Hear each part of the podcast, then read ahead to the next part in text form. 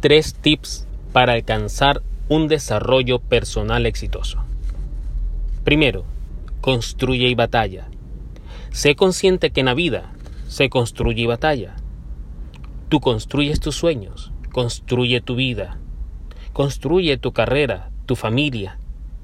Y al construir, siempre se gana enemigos, porque la envidia hacia el progreso es inevitable. Y por eso es que tienes que batallar. Tienes que batallar a diario. Unas batallas ganarás y otras perderás. Habrá batallas que te dejarán desolado entre sombras, pero ahí seguirás.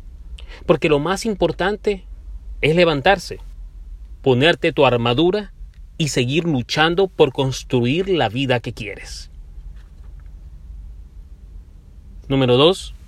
Valórate. Tienes que conocerte a ti mismo. Conoce tus fortalezas, tus debilidades, tus éxitos, tus fracasos.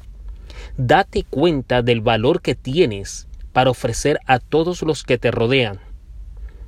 El valorarte a ti mismo nace de la autoconfianza y ésta se deriva del conocimiento y experiencia.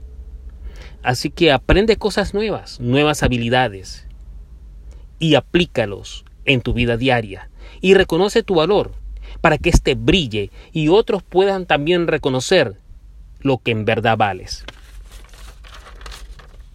Número 3. Recuerda que eres único y que el camino de otros no es tu camino. Sí, otros han tenido éxito aplicando 3, 7, 10, 50 pasos, otros siguiendo consejos de mentores, pero lo más importante es que reconozcas que el camino que ellos eligieron no es el mismo camino que tú tomarás para alcanzar tus sueños. Hay una frase que dice, caminante se hace camino al andar. Empieza ahora tu propio camino, porque eres único. Espero que estos tres tips te sirvan. Van a ser los pilares fundamentales para que tengas un exitoso desarrollo personal. Recuerda, hay que construir y batallar. Tienes que valorarte a ti mismo. Y caminante se hace camino al andar. Empieza ahora tu camino hacia tu destino. Hasta la próxima.